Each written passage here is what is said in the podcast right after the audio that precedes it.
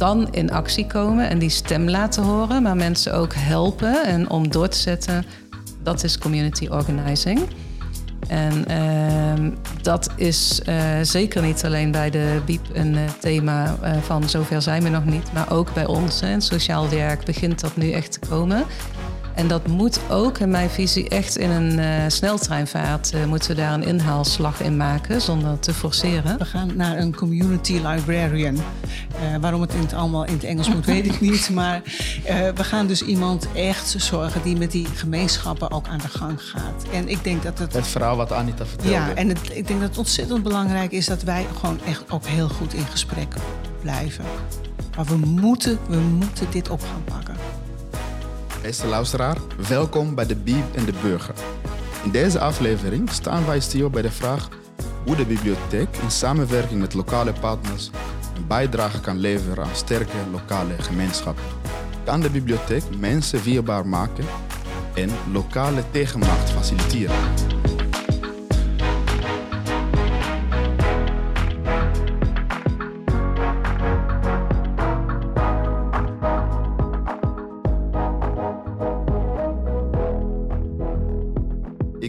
In de bibliotheek Hilversum en tegenover mij zitten Anita Keita en Els Brons. Twee bijzondere gasten die deze vraag met mij gaan uh, beantwoorden. Uh, Anita Keita is directeur van Versa Welzijn, een brede welzijnorganisatie in deze regio.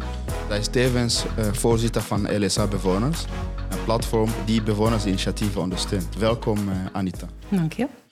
En tegenover u hebben we Els Brons. Zij is directeur van Bibliotheek Hilversum sinds 2002. Welkom Els. Dankjewel. Dankjewel voor jouw gastvrijheid. We zien een hele bijzondere pand. Hier is Bibliotheek Hilversum gevestigd. Het is een pand dat... Uh, jullie zitten er sinds 1930, maar het, het, is een villa uit de 19e eeuw. Zou je ons kunnen vertellen waar we nu precies zijn en wat gebeurt in dit gebouw? Ja, um, het, is, het is een pand uit 1844. Het heeft een geweldige geschiedenis van een kostschool voor jongens... en hotel is het geweest. Het is uh, privaat bewoond geweest. En sinds 1930 zitten we hier als uh, openbare bibliotheek. Um, in 1930 is de bibliotheek hier gekomen samen met de Volksuniversiteit. En uh, sinds vier jaar hebben we ook een fusie gehad met de Volksuniversiteit. Dus officieel heten we nou Bibliotheek en Volksuniversiteit. En dat geeft ook eigenlijk wel aan dat we nog steeds opereren in een soort van verlengde van de geschiedenis. Want in 1930, Volksuniversiteit, die hadden ook al het ideaal van het, het, het opheffen, het verheffen van uh, de bevolking. En diezelfde ambitie heeft de bibliotheek. Uh, die had de bibliotheek en die heeft hij nog steeds. Verheffen van de. Van, uh, dat is wat jullie eigenlijk hier doen, zou je kunnen zeggen, hier in dit gebouw. En, ja. En um, hoe ziet dat eruit? Um, we hebben um, achter de, de oude villa hebben we een, een nieuwe bibliotheek uh, gebouwd in 96. En uh, dat was eigenlijk van oudsher gewoon uh, boeken uitlenen. Mensen kwamen binnen, pakten een stapel boeken en gingen de deur weer uit. Verblijfsduur ongeveer 10 minuten. En nu, de, echt de laatste tien jaar, hebben we ons dienstenpakket echt ontzettend uitgebreid. Um, we geven cursussen, we geven workshops. We hebben een theatertje gebouwd, daar geven we lezingen. We hebben een leescafé gemaakt met wat lage prijzen, dat iedereen welkom is. Um, uh, mensen komen hier om de krant te lezen, een tijdschrift te lezen. En ja, ze komen ook nog om een boek te lenen. En dat geldt voor mij, dat staat nog steeds in die traditie. Uh, de mensen zelfredzaam maken, de mensen informeren, de mensen gastvrij een plek geven waar iedereen ongeacht ras, uh, uh, de kleur, leeftijd, wat dan ook. Iedereen kan hier terecht. Een veilige ruimte voor iedereen. Een veilige, warme ruimte voor iedereen. Ja. Um, Anita, ik was benieuwd. jij werkt in de praktijk met best wel veel kwetsbare groepen die geholpen moeten worden. Um, kan jij vertellen, we hebben vandaag over de bibliotheek. Zou jij ons kunnen vertellen wat jij vanuit jouw werk doet om ervoor te zorgen dat mensen niet uh, afhaken? Uh, ja. Uh, ja, wij spreken eigenlijk nooit van kwetsbare mensen, maar altijd, ja, je hebt mensen in kwetsbaardere posities. situaties. Ehm, maar iedereen is sterk en kwetsbaar, dus het is niet zomaar een woord. En dat is precies het linkje naar wat wij doen, is dat wij ook altijd zoeken naar wat kan je. Waar word je blij van? waar krijg je energie van? Hè? Dus wij zoeken ook altijd naar de kracht van mensen en proberen op die kracht ehm, te zorgen dat mensen actief kunnen zijn, in verbinding met elkaar, gezien worden, van betekenis zijn.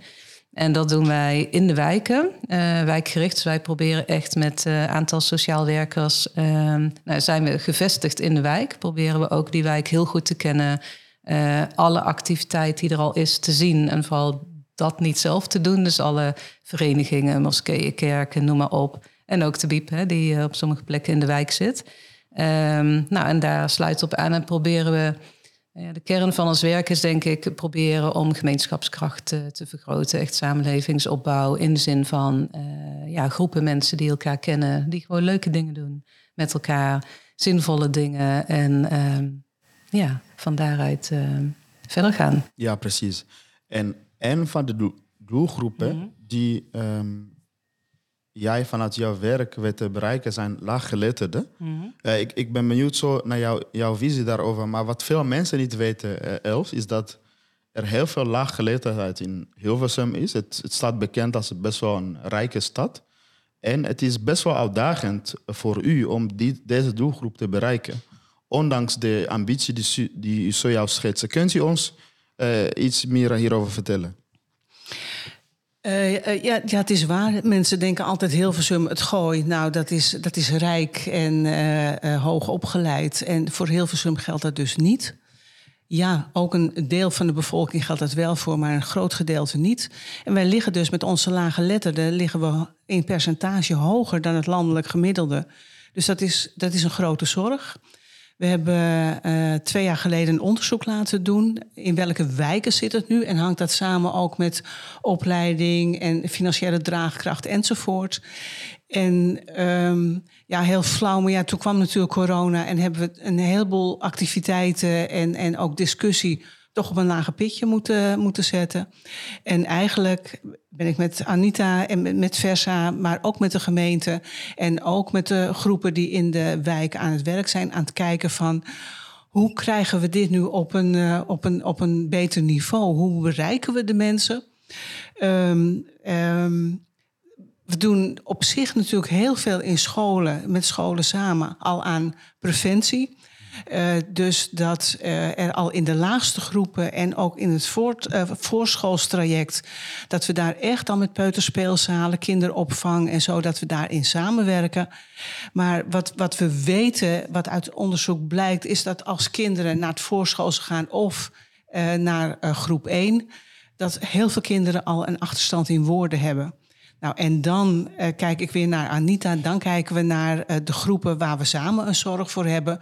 Hoe zorgen we nou dat al die gezinnen alleen al gaan voorlezen? Voorlezen, het vergroten woordenschat dat, zo Dat ontzettend. is dus preventie, dat doet ja. u al. Uh, ja. Maar bij die specifieke doelgroep, ja.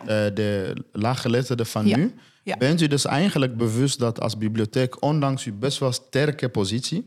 dat u mensen zoals Anita nodig hebt, omdat... Absoluut. Ze komen bijvoorbeeld bij buurthuizen, maar om een van de andere reden ja. is de bibliotheek niet per se de plek waar ze aan zouden denken. Klopt dat een beetje? Dat klopt helemaal. En, en, en uh, daarom ben ik ook heel blij met uh, dat, dat wij goede contacten hebben. Want wij bereiken die mensen niet of nauwelijks. De mensen die naar het buurthuis komen of waar de mensen van Versa achter de voordeur komen, dat, dat hebben wij niet. Dus wij hebben elkaar buitengewoon hard nodig. Ja, precies. En Anita, dit onderstreept eigenlijk jouw visie. Want de vraag of de bibliotheek de plek is om democratische burgerschap te bevorderen, dat hangt eigenlijk af van de samenwerking met uh, lokale partners. Zou je iets daar meer over kunnen vertellen? Um, ja, zoals ik het zie, uh, ben je echt partners in de wijk. Uh, en moet je kijken, we hebben hier in Hilversum acht wijken uh, wat is er aan de hand en wie kan wat doen. Hè? Dus om op dat laaggeletterdheid thema uh, in te gaan.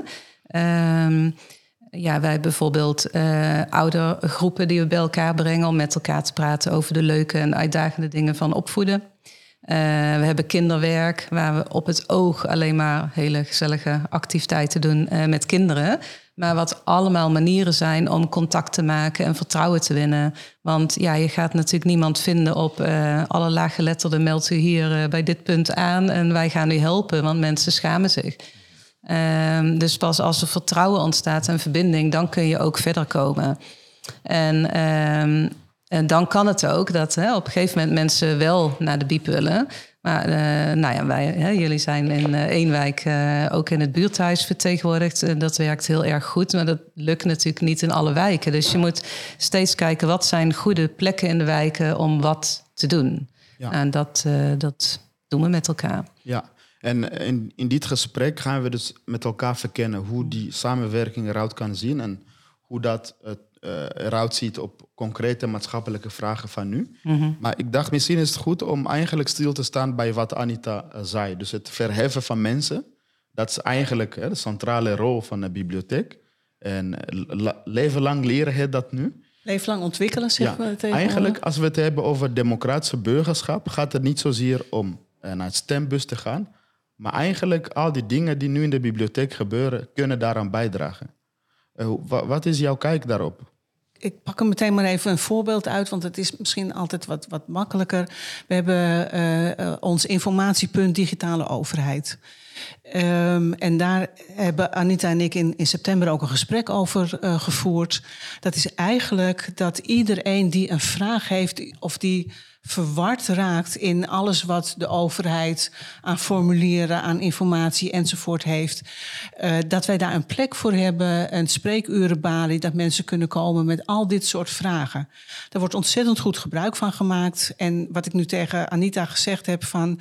Uh, joh, jij bent daar ook mee bezig. Kunnen we niet in al die buurthuizen die, die jullie hebben, kunnen we daar niet als bibliotheek samen met jullie ook een spreekuur houden. Dat we dat ook, dat mensen dus niet per se naar de, deze, deze plek uh, moeten komen, maar dat we naar de mensen toe gaan in de wijken en dat ze dus dat we ze helpen met al dit soort vragen. Denk aan um, het handig voorbeeld. Uh, laatst was er een tv-spotje. Ga naar de bibliotheek over energiekostenformulier. Dan staan ze bij ons in rijen.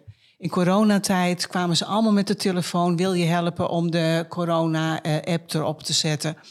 Um, maar vragen ook over de belasting. Vragen over rijbewijs verlengen. Al dat soort zaken hebben mensen hulp bij nodig. En onze uitdaging is, en onze, onze, wat wij willen, is dat we mensen zelfredzaam maken. Dus we gaan het niet voor ze doen, maar we gaan met ze stap voor stap kijken hoe ze dat zelf kunnen regelen. En hoe mooi is het nou niet als we mensen echt gewoon over burgerschap, dat we ze in de wijken ook kunnen helpen hiermee. Uh, Anita, je ziet een onderdeel van uh, burgerschap, wat uh, Els schetst. Ja, het is echt het begin. En terwijl ik naar Els luister, denk ik zeker, hè, dit gaan we doen.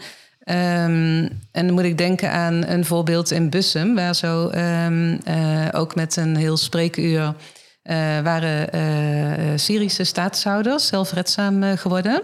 En zij gingen een stap verder. Hè. Dat, daar begint volgens mij echt het democratisch burgerschap. Want zij zeiden, nou, we hebben nu zoveel geleerd. Wij willen eigenlijk zelf ook een rol pakken om iets terug te doen. Om het weer aan nieuwe statushouders uh, te leren. Dat is Wij spreken de taal. Hè, dat ja. mensen zelf uh, ja. aan de slag En die uh, zijn dus zelf vrijwilliger geworden bij die spreekuren. Om ook weer wat zij hadden geleerd door te geven. En, um, nou ja, dan, en zo bouwt het op. Hè? Dus mensen worden zelfredzaam, denken ik kan ook wat terug doen voor anderen. Denken aan, wat zit het eigenlijk raar in elkaar, dit kan veel beter. Hè? Dan ga je steeds verder in je democratisch burgerschap... dat je ook echt iets wilt veranderen, bijvoorbeeld aan de huidige structuren. Bij democratisch burgerschap denken we aan het stemmen, inderdaad. Hè? Eens in de zoveel uh, jaar. Maar ik denk alles wat maakt dat uh, inwoners actief worden en belangstelling hebben voor elkaar, is democratisch burgerschap.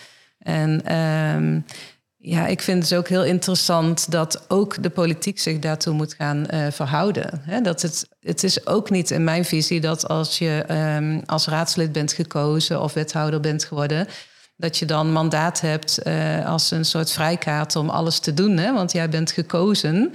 Nee, dat is ook continu uh, contact houden en luisteren, maar ook uh, kijken van uh, waar kunnen inwoners aan bijdragen. En dan heb je het over uh, bijvoorbeeld inwonersinitiatieven hè, om dingen zelf te organiseren. Bewonersinitiatieven zoals de energiecorporaties en heel veel andere coöperatieve bewegingen. Maar ook burgerberaden, dialogen. Nou ja, je kan het bedenken. Ja. ja. En van de problemen nu, Anita, is dat de imago van de bibliotheek, uh, uit de visie die jij schetst, mm. uh, eigenlijk het in de weg staat. Uh, althans, mm. niet... Het, het de ouderwetse bibliotheek wel. Hè? Dus ik, ja, tenminste, ik denk van als je... puur nog een bibliotheek zou zijn die uitgaat van boeken uitlenen, dan sta je het echt in de weg. Als je een bibliotheek bent die zegt wij gaan mooie dingen voor mensen organiseren, dan sta je het ook in de weg. Maar gelukkig is er ook een uh, community-gerichte stroming nu hè, uh, onder bibliotheken. En daar zijn echt wel uh, koplopers. Um, die zeggen nee, wij willen ook echt aan gemeenschappen bouwen. En dan met de inwoners. En ja, dan moet je ontzettend veel loslaten en anders doen. Hè? Het vraagt ook heel, wij hebben het ook wel zo gehad, als we heel veel van je medewerkers. Want het is nogal wat anders of jij boeken uitleent en daar alles van weet. Of dat je zegt, ik laat het los en dingen lopen anders dan ik het had gepland, bijvoorbeeld. Ja. ja. Els, wil je daarop reageren? Ja, want het is waar wat je zegt. Uh, we hebben natuurlijk altijd uh, toch een bepaald soort medewerkers.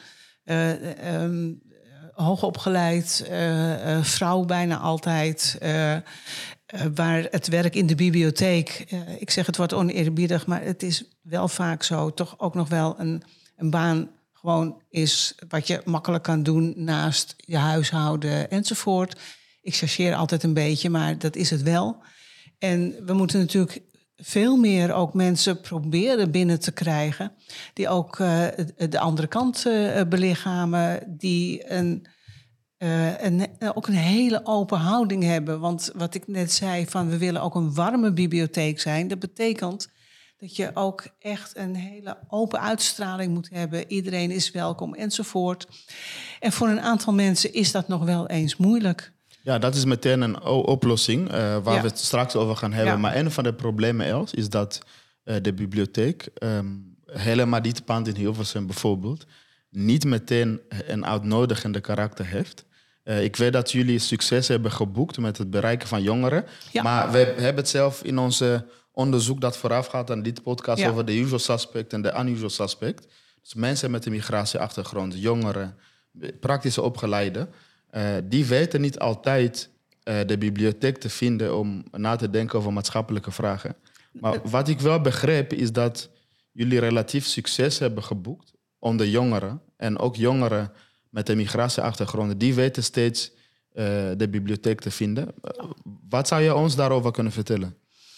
Um, nou, dat begint wel eigenlijk om daar gewoon echt heel open in te zijn. Hè? Dat, dat je ook zegt dat, uh, dat iedereen welkom is. En uh, wat, wij, um, wat wij ja, we gewoon merken dat groepen, dat geldt bijna wel voor alle bibliotheken, er komen steeds meer groepen jongeren komen studeren. Dat zijn scholieren, het zijn uh, van de vervolgopleidingen. Die komen nu veel vaker naar de bibliotheek dan dat ze vroeger kwamen. En um, wat wij ook gewoon gemerkt hebben, is dat we grote groepen Marokkaanse Turkse meisjes uh, binnen hebben. Waarvan de ouders dus zeggen: de bibliotheek is een veilige omgeving. Uh, daar mogen jullie naartoe. En als je daar gewoon open voor staat, zie je dat dat steeds meer zich uit gaat uh, breiden. En ja, daar zijn we op zich niet bijzonder in. Maar dat is wel heel erg waar we aan gewerkt hebben. Wij hebben ons als filiaal in eh, de moeilijke wijk Noord. En daarvan hebben we ook steeds tegen, tegen de mensen gezegd: ga nou naar de bibliotheek aan de Schaaflandse weg. Veel meer faciliteiten, kun je met grotere groepen zitten. En een aantal zien we die, die dat echt doen. Mhm. En we zien ook gewoon een groep die ons never nooit bereikt. Ja, dus de bibliotheek als een uitvalbasis. En van de mensen die jullie never nooit bereiken zijn uh, daklozen. Ja. Uh, uh, Anita, je, je, vertelde dat jij een dakloos tegenkwam mm. die zich afvroeg of hij de bibliotheek in mocht. En dat is eigenlijk exemplarisch, denk ik, voor hoe we jou kijken over wat bibliotheken nu wel of niet kunnen, of wat ze nu nog meer zouden moeten doen. Ja, en de dakloos staat dan een beetje model voor de onaangepaste mensen. En ik kwam die tegen in mijn eigen woonplaats. En uh, die vroeg inderdaad of hij daar mocht zitten in de bibliotheek. En ik zag het ongemak van de medewerker van... ja, moet ik ja zeggen of nee? En... Um, en je zag ook mensen kijken, wat doet deze man? Hè? En, en uh, nou, daar hebben wij het ook wel eens over. Hè? Van, uh, de bibliotheek is nu bezig met nieuwbouw. En dat wordt allemaal heel mooi en in het centrum. En ik zeg dan al tegen Els, mag de daklozen ook nog uh, binnenkomen? Hè? En, wat is hoe het doen we dat? Kort daarop, Els. ja. Oké, okay, ja, dat is onderbreking. Maar Ja, dat zegt precies. wel iets over de inrichting en de sfeer um, van zo'n pand... en wie wel of niet welkom is. Ja. Ja, dus het is natuurlijk puzzelen. En voor de bibliotheek denk ik weer op een andere manier dan uh, vanuit het buurthuis bijvoorbeeld. Maar bij alle ontmoetingsplekken in de wijk is het puzzelen om een mooi evenwicht uh, te bewaken. Uh, tussen wie allemaal binnen mogen komen. Hè? Dus als de ouders waar jij net over vertelde denken... nou, hier durf ik mijn dochter wel aan toe te vertrouwen.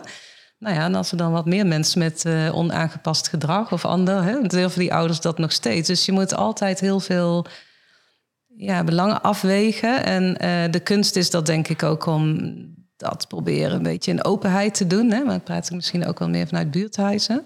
Maar het is puzzelen. En, en ik denk ook dat je met elkaar moet kijken, dus naar iedere wijk, van um, op welke plek kan wat. En als jullie dan wat meer dit hebben, zullen wij dan wat meer dat. Zodat mensen wel allemaal ergens naar een plek kunnen om elkaar te ontmoeten. Ja, maar zelfs boeken kunnen intimiderend zijn, de aanwezigheid van boeken. Want Ja. er is ook een discussie in de Bussum, denk ik, over minimale, de- de- over minimale collectie. Ja, eh, die discussie kunnen we bijna niet aangaan eigenlijk. Maar we hebben een eh, nieuwbouwpand in eh Naarden met een andere bibliotheekorganisatie dus. En dat is ook wijkcentrum, ontmoetingscentrum. En dat is wat kleiner geworden dan gepland. Eh, dus het staat ook heel erg vol boeken. En voor de bibliotheek is dat de minimale collectie. Eh nou, Els glimlacht al. Ehm, en dan is het eigenlijk van, ja, kan je dat gesprek, durf je dat aan te gaan? En dat is daar nog best een taboe, hè? want je komt ook aan elkaars... eh, hè? Want de bibliotheek, ik vraag het wel eens en dan zegt de bibliotheek... ja, maar jij weet helemaal niks van de collectie. En dat is echt ontzettend uitgebalanceerd en over nagedacht. Kan je niet zomaar zeggen van, we schrappen 100 boeken. En denk ik, oh, oh, weet je wel, en ik weet daar ook niks van. Ehm, maar dat, ja, dat soort gesprekken moet je eigenlijk wel aandurven te gaan om echt met elkaar open te zijn. En nu is de situatie zo, en daar kan die Biep ook op zich niks aan doen qua bouw dan, hè, maar dat sommige mensen eh, van, nou zeg meer kwetsbare situaties, die eh, schrikken daar echt voor terug. Die denken, oh, ik kom niet meer in een wijkcentrum en het ziet er allemaal zo mooi uit en zoveel boeken. Dit is niet voor mij. Ja. En dan heb je wel een drempel opgeworpen. Ja, Els.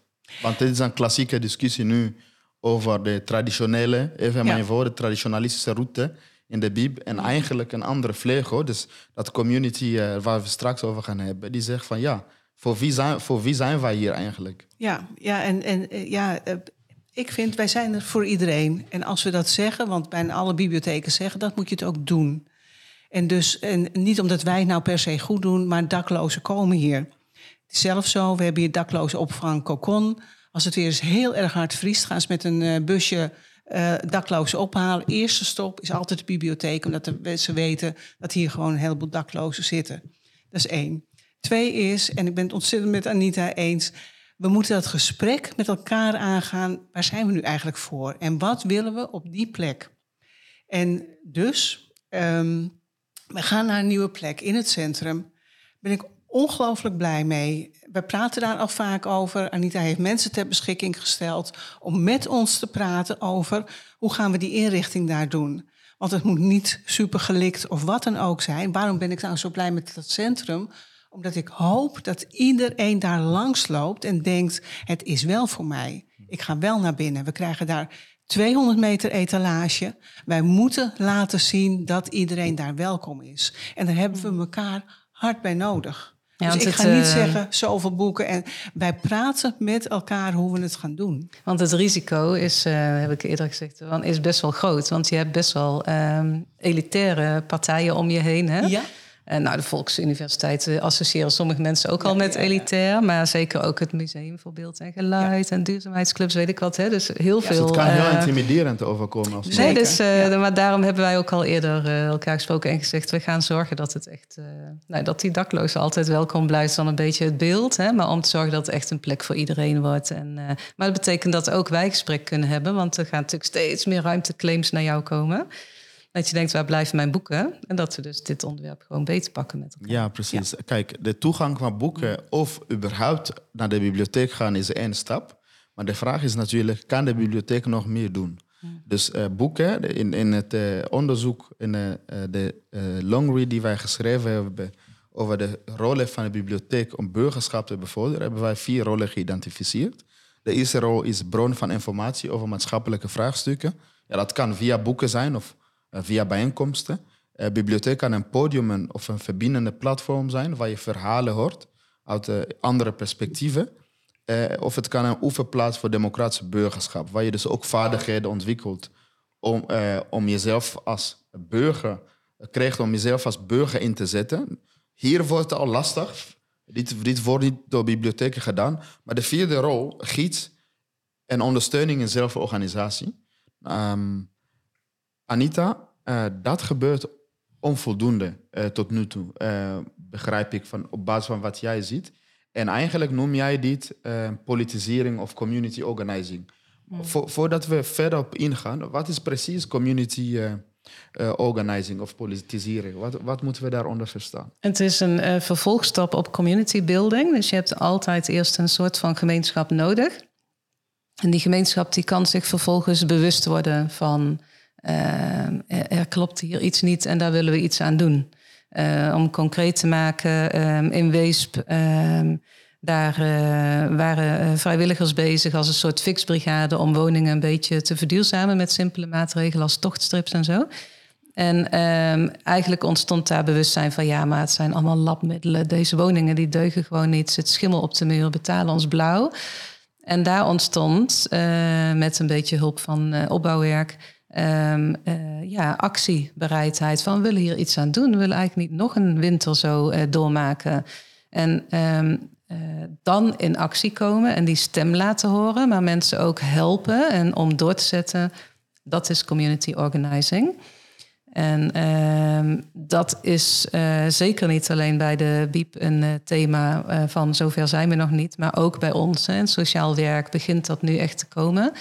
En dat moet ook, in mijn visie, echt in een uh, sneltreinvaart uh, moeten we daar een inhaalslag in maken, zonder te forceren. Maar uh, ik sprak bijvoorbeeld weer in hetzelfde wees met de energiecoöperatie. En uh, dat zijn ook vaak ja, hoogopgeleide mensen die een bedrijf hebben gerund en die tijd hebben, zeker ook in Weesp, om um, heel veel met die uh, energietransitie aan de slag te gaan. Grote ambities over zelf warmte opwekken, met een warmtenet aan de slag. Nou, geweldig. En zeker als ze het ook met uh, ten dienste van de maatschappij willen stellen. Maar ik zei tegen uh, de trekker van die energiecoöperatie. Van als, wat ga jij zeggen tegen die 130 inwoners van die flat, hè, die nu actiebereid zijn, zijn allemaal ouderen. En jij komt aan van nou, wij zijn hartstikke goed voor jullie bezig, want um, over acht jaar hebben we in deze wijk een warmtenet. Dan zou ik als oudere in die flat denken, ja, daar heb ik niks aan, want dan ben ik misschien wel dood. En ik wil volgende winter gewoon een oplossing. Dus wat doe jij dan? Hè? En dan ga je dus, dan ben ik eigenlijk community organizing even aan het doen, want dan help ik ook de energiecoöperatie om te vertalen naar nu. En dus dat is ook een inzicht van mij. Dus van... Dus dat hoeft niet activistisch te zijn, dus uh, to, uh, community organizing.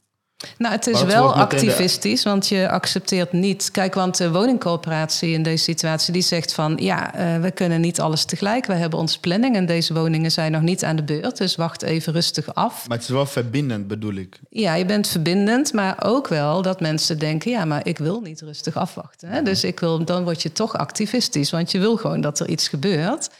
Um, maar dan, en dan hoeft het niet te zijn tegen de woningcoöperatie, maar dan wel van hoe kun je dan bijvoorbeeld de energiecoöperatie, hoe kan die nou kennis toevoegen zodat er misschien wel een oplossing ontstaat. Dus je gaat eigenlijk helpen zoeken. En in dit geval kwamen we bijvoorbeeld op dat hij zei: Ja, we kunnen wel een warmtenet, maar die woningen moeten sowieso geïsoleerd worden. Dus misschien kunnen daar al wat mee. Dus nou, ga jij dan die kennis toevoegen? Dat je misschien wel een business case kan maken dat je isoleert.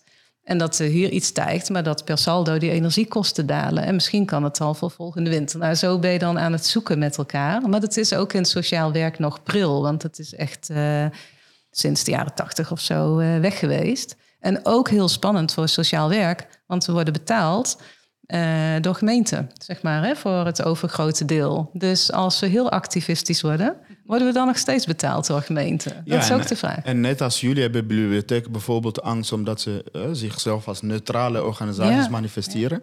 Maar er is een verwarring, hè, zou je kunnen zeggen, tussen politiseren en politiek. Ja. Dat is niet hetzelfde. Nee. Kan je ons helpen om die verwarring de wereld uit te helpen? Ja, nou dan raak je. Um, kijk, in mijn optiek heb je de overheid met zijn hele politieke organisatie. Je hebt de markt en je hebt de burger. En de burger gaat in sneltreinvaart een toenemende macht worden. Want je kan zeggen, de laatste decennia was het echt overheid en markt. Punt. En de burger was gewoon consument en had geen tegenmacht. En die tegenmacht is zich nu wel overal aan het uh, organiseren. En uh, de overheid zit heel erg in, het, uh, in de representatieve democratie, in dat systeem. En daar zit natuurlijk de hele politiek omheen. Um, ja, dus ik denk um, uh, dat, dat je kan niet alleen kijken naar representatieve democratie. Je moet ook naar nou ja, bijvoorbeeld medezeggenschapsdemocratie, hè, wat de coöperatieve beweging is. Of, dus eigenlijk niet de traditionele politieke routes, maar nee. juist via allerlei kanalen, groepen... Ja ja. mensen in beweging brengen, ja. dus die tegenmacht ja. organiseren. Dat is eigenlijk politisering, noem je. Ja, bijvoorbeeld bij LSA Bewoners hadden we een gesprek met uh, Binnenlandse Zaken. En die, zitten, uh, die zeggen, uh, onze representatieve democratie is heilig. Mag je niet aankomen. Terwijl ik denk, ja, tuurlijk, hè, die is heilig en die heeft ons heel veel gebracht. Maar daarnaast ontstaan nog andere vormen. En dat zie je dan heel mooi bijvoorbeeld bij de coöperatieve beweging van bewonerscoöperaties en we hebben de right to challenge, hè, dat burgers mogen zeggen van wij kunnen iets gewoon een taak van de overheid overnemen, kunnen wij doen. En wat zegt dan de politiek en de representatieve democratie? Die zeggen nou dan gaan wij eerst heel goed nadenken, ik chargeer met de wethouders en raadsleden, wat dan de kaders zijn waarbinnen bewoners actief mogen worden. Dan denk je, ja, dat is echt achterhaald. Dat moet je samen doen. En dan, dan schuurt het. Ja. En daar moeten we echt nieuwe manieren in vinden. En daarom is het wel heel goed als bewoners uh, vanuit community building hè, elkaar ontmoeten naar meer activisme gaan. Om ook uh, aan die uh, stoelpoten te schudden van zie ons, hoor ons. Nou, daarom zijn burgerberaden ook hartstikke actueel, et cetera. Ja. ja. dus Els, niet alleen maar informatiepunt, digitaal overheid, niet alleen maar boeken lenen, niet alleen maar in de bibliotheek studeren, maar ook even uh, mensen steunen om het verschil te maken in de wijk. Ietsjes meer activisme. Ook met het oog op problemen die uh, ja, bepaalde groepen in, de, in deze stad, in, in deze streek raken. Ja, bij, bij, ons staat dit absoluut nog in de kinderschoenen. Dat, uh, dat, dat, dat is gewoon een feit. Um, wat ik wel denk, dat, dat wij... Ja, wij zitten eigenlijk nog een, stapje daaraan voorafgaand. Ik denk, ja, je kunt prima meedenken en meepraten en, en activistisch, uh, ja, daar ben ik ook wel van. Maar dan moeten mensen daar wel de, de gereedschappen voor hebben. En ik denk dat wij een beetje op, op die lijn zitten. Maak die mensen nou sterker, maak ze zelfredzaam. Zorg dat ze het kunnen lezen, de, de, de stukken.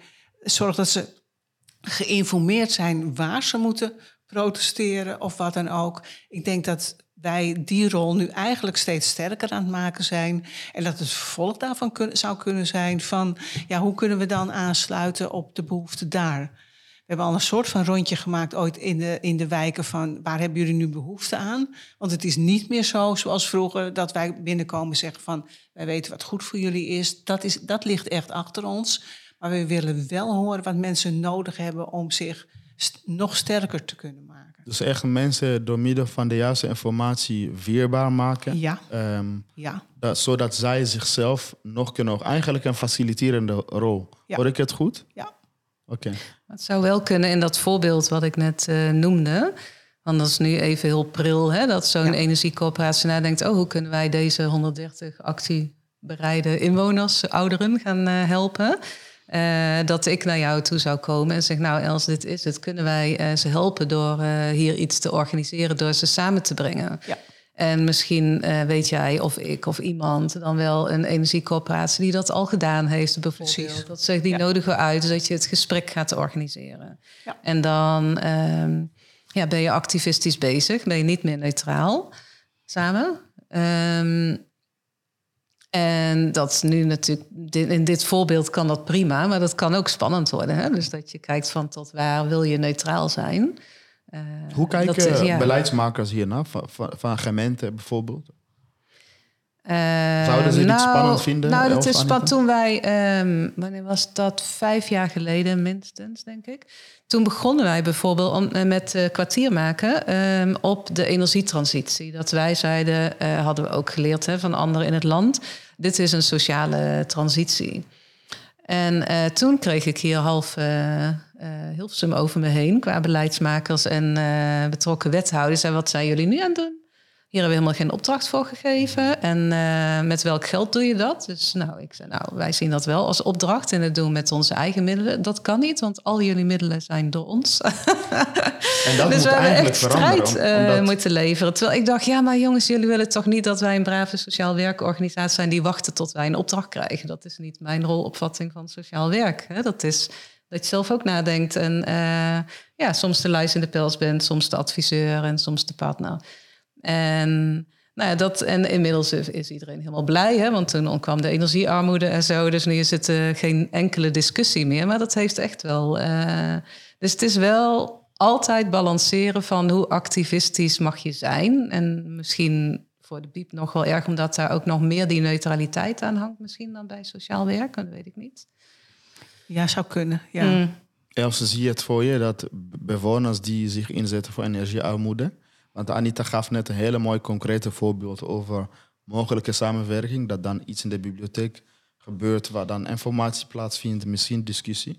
Zie je het voor je dat Absoluut. bewoners die bijvoorbeeld energiearmoede in deze stad uh, ondergaan, misschien hebt u ook vergelijkbaar iets al gedaan hoor. Wat, wat zou je als bibliotheek kunnen ondersteunen voor mensen die het verschil willen maken uh, bij allerlei uh, vraagstukken? Maar laten we beginnen bij energiearmoede. Nou, sowieso kunnen we dit debat organiseren natuurlijk. We kunnen zorgen dat we de goede mensen binnen hebben die het verhaal kunnen houden. En we kunnen uh, regelen dat er daarna gesprekken te voeren zijn. En uh, ja, dat is al niet meer neutraal. En dat neutraal, ja, daar hangt ook altijd een sfeer van, van dat, je geen, dat je geen keuzes maakt. Maar dat is het natuurlijk niet. Wij zeggen dat we een plek zijn voor alle ideeën enzovoort. Ik bedoel, dat als je zo neutraal zegt, is dat oké. En dit is een rol die we natuurlijk willen pakken. Die we al voor een deel aan het, aan aan aan het nemen zijn. Uh, een andere vraag die urgent is, uh, is dat bepaalde burgers wantrouwig zijn naar het systeem, afhaken. daar zou de bibliotheek Anita samen met partijen zoals Versa wil zijn, ook het verschil kunnen maken. Hoe, hoe, hoe zou de bibliotheek daarin een rol kunnen spelen? Om de polarisatie en wantrouwen in het systeem. Ja, vind ik moeilijk. Want er moet wel ergens een beginnetje zijn, naar mijn idee. En ehm, uh, niet, uh, kijk, je kan wel zeggen, ik zou kunnen zeggen, ja, we moeten met elkaar praten, want dialoog is natuurlijk uh, dan het eerste waar je aan denkt hè, als het gaat om polarisatie. Maar mensen zijn niet zomaar bereid om een dialoog te voeren over een onderwerp over bijvoorbeeld uh, discriminatie. Hè? Van, uh, ik zit even een voorbeeld te bedenken, dat werkt altijd fijner. Van um, ja, moeten statushouders geholpen worden? En uh, het hele vluchtelingen bijvoorbeeld. Oekraïners mogen van alles, andere statushouders niet, moeten eindeloos wachten, krijgen geen hulp, moeten knokken voor iedere stap. Hè? En uh, dan weer andere Nederl uh, zeg maar, uh, autochtone Nederlanders die denken, die vinden daar het hunne van. Van ja, wij zoeken ook huis en wij worden helemaal niet geholpen. Nou, dan kan je niet zeggen van wij gaan eens samen een, debat organiseren of een dialoog. Want ehm, dat gaat niet werken, denk ik. Er moet eerst wat aan vooraf. En dat is dan in onze oog community building. Dus dat je echt in gesprek gaat. Dat je kijkt wat hebben mensen nodig. En dat langzaam voorbereidt. En dan komt er naar mijn idee een moment, net als in het voorbeeld van net, dat je zegt, nu zouden we een stap verder kunnen gaan. Maar dat is misschien ook mijn oude denken hoor, omdat ik dan denk, dan kom je in dialoog en andere ontmoetingen, uh, verbindingen tussen mensen. Ja, ik, ik, ik, twee jaar geleden zou ik gezegd hebben, nou weet je, onze rol is informatievoorziening. Als we nou maar mensen de juiste informatie geven, als we dat verhaal nou maar vertellen, dan komt het goed. Maar er is wat mij betreft dan zoveel veranderd in die maatschappij. Uh, ik, ik, zie het hier beneden in ons leescafé. Hè? Mensen die bijna met elkaar op de vuist gaan over, uh, over corona, over pasjes.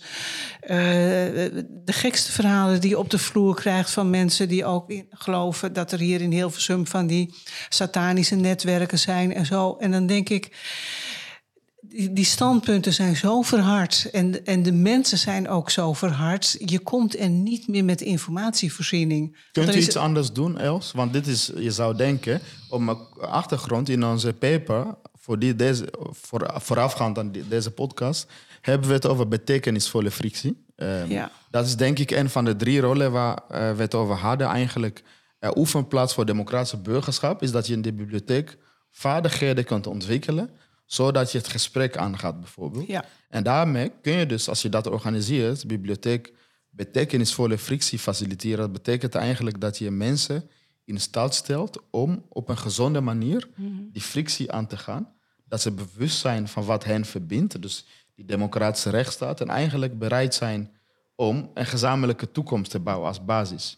Uh, als dat niet meer in de bibliotheek gebeurt, Um, altijd, ja, ik, ik heb hier denk ik een mening. Ik ben een vraag aan het stellen. Maar, uh, ik, maar ik, ik, ik zou hopen, Els, dat jij een hele belangrijke rol zou kunnen spelen om mensen te bevrijden van die, dat hokjesgeest en vijandsdenken.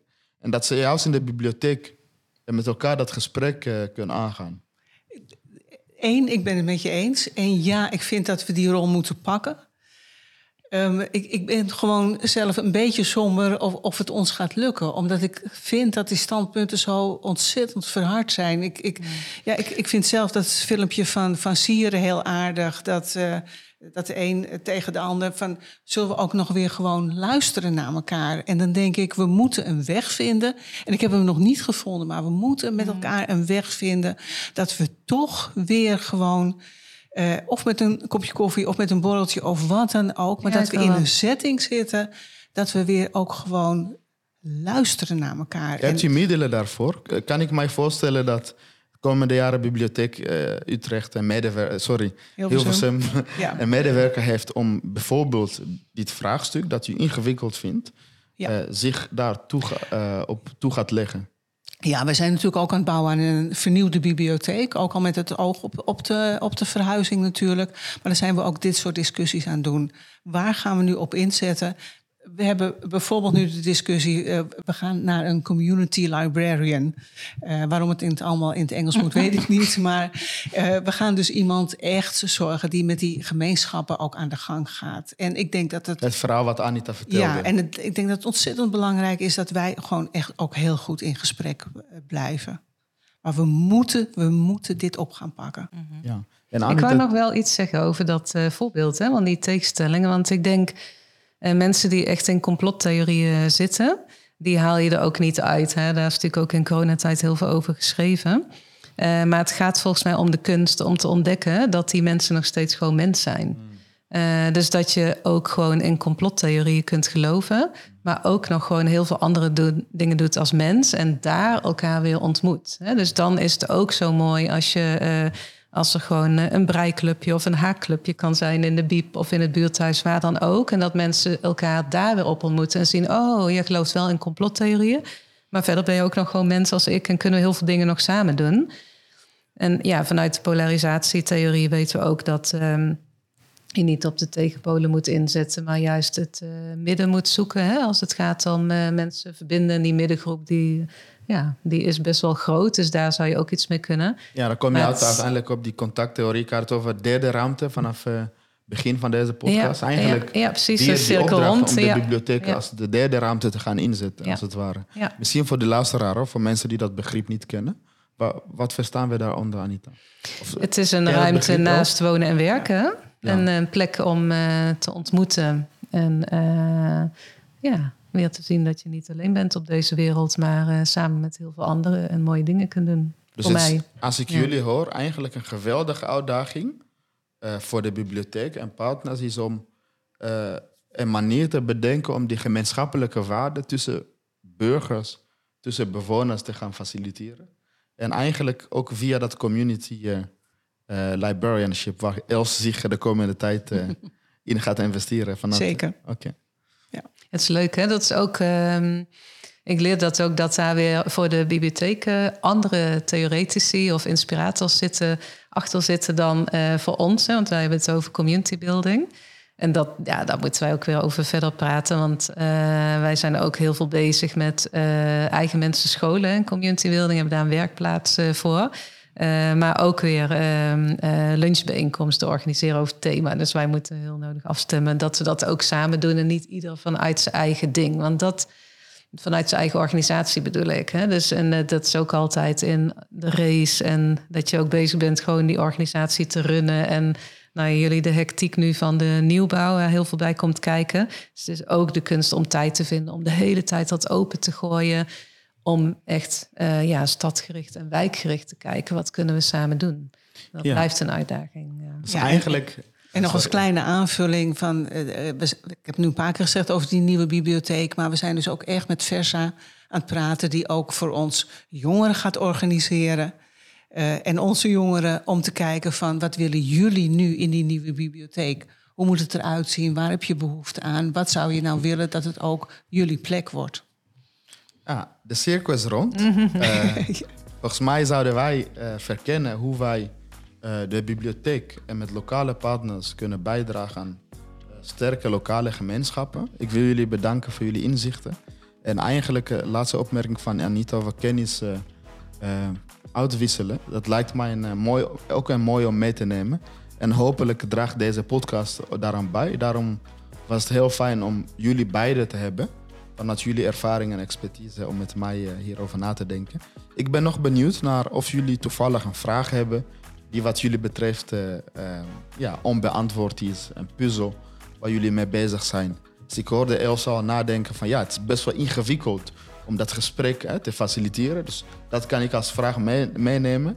Maar misschien heb je andere vragen. Hetzelfde geldt voor jou, Anita. Ja, misschien gewoon een oproep aan de luisteraars van als ze dit horen en ze denken, wow, we missen echt iets in het verhaal. Of jullie moeten dit voorbeeld zien. Dan denk ik, mail ons, bel ons. eh, Laat het vindbaar op de website, laat het Ja. ons weten. Dat vooral als oproep, want ik geloof heel erg in samen weet je heel veel. Eh, dus laat die kennis maar komen. Super. Ja, eens. En we kijken uit naar een nieuwe bibliotheek eh, Els. Dan komen wij een nieuw gesprek voeren. Eh, staan we stil bij, bij de ontwikkeling. deze. Ja, Ja, super. ja. Dank jullie wel. Dankjewel. Lise. Beste luisteraar, dankjewel voor het luisteren. Eh, dat was het voor nu. Dit is de Biebende Burger. In de volgende aflevering gaan wij wat meer de diepte in op de vraag... waartoe is de bibliotheek op aarde en wat is precies de rol van de bibliotheek in het bevorderen van burgerschap? Moeten wij niet oppassen dat we niet te veel taak aan de bibliotheek geven? Wil je op de hoogte blijven van de volgende aflevering? Vergeet je niet te abonneren. En kijk vooral eh, de link in de show notes van deze aflevering voor meer achtergrondinformatie. En vooral om jouw stem te laten horen. Want aan het eind van dit traject komen alle inzichten uit deze serie in een mooie handige two-pager. En je kunt jouw stem laten horen. Jouw perspectief kunnen wij daarin meenemen. Heel veel dank voor het luisteren en tot de volgende aflevering.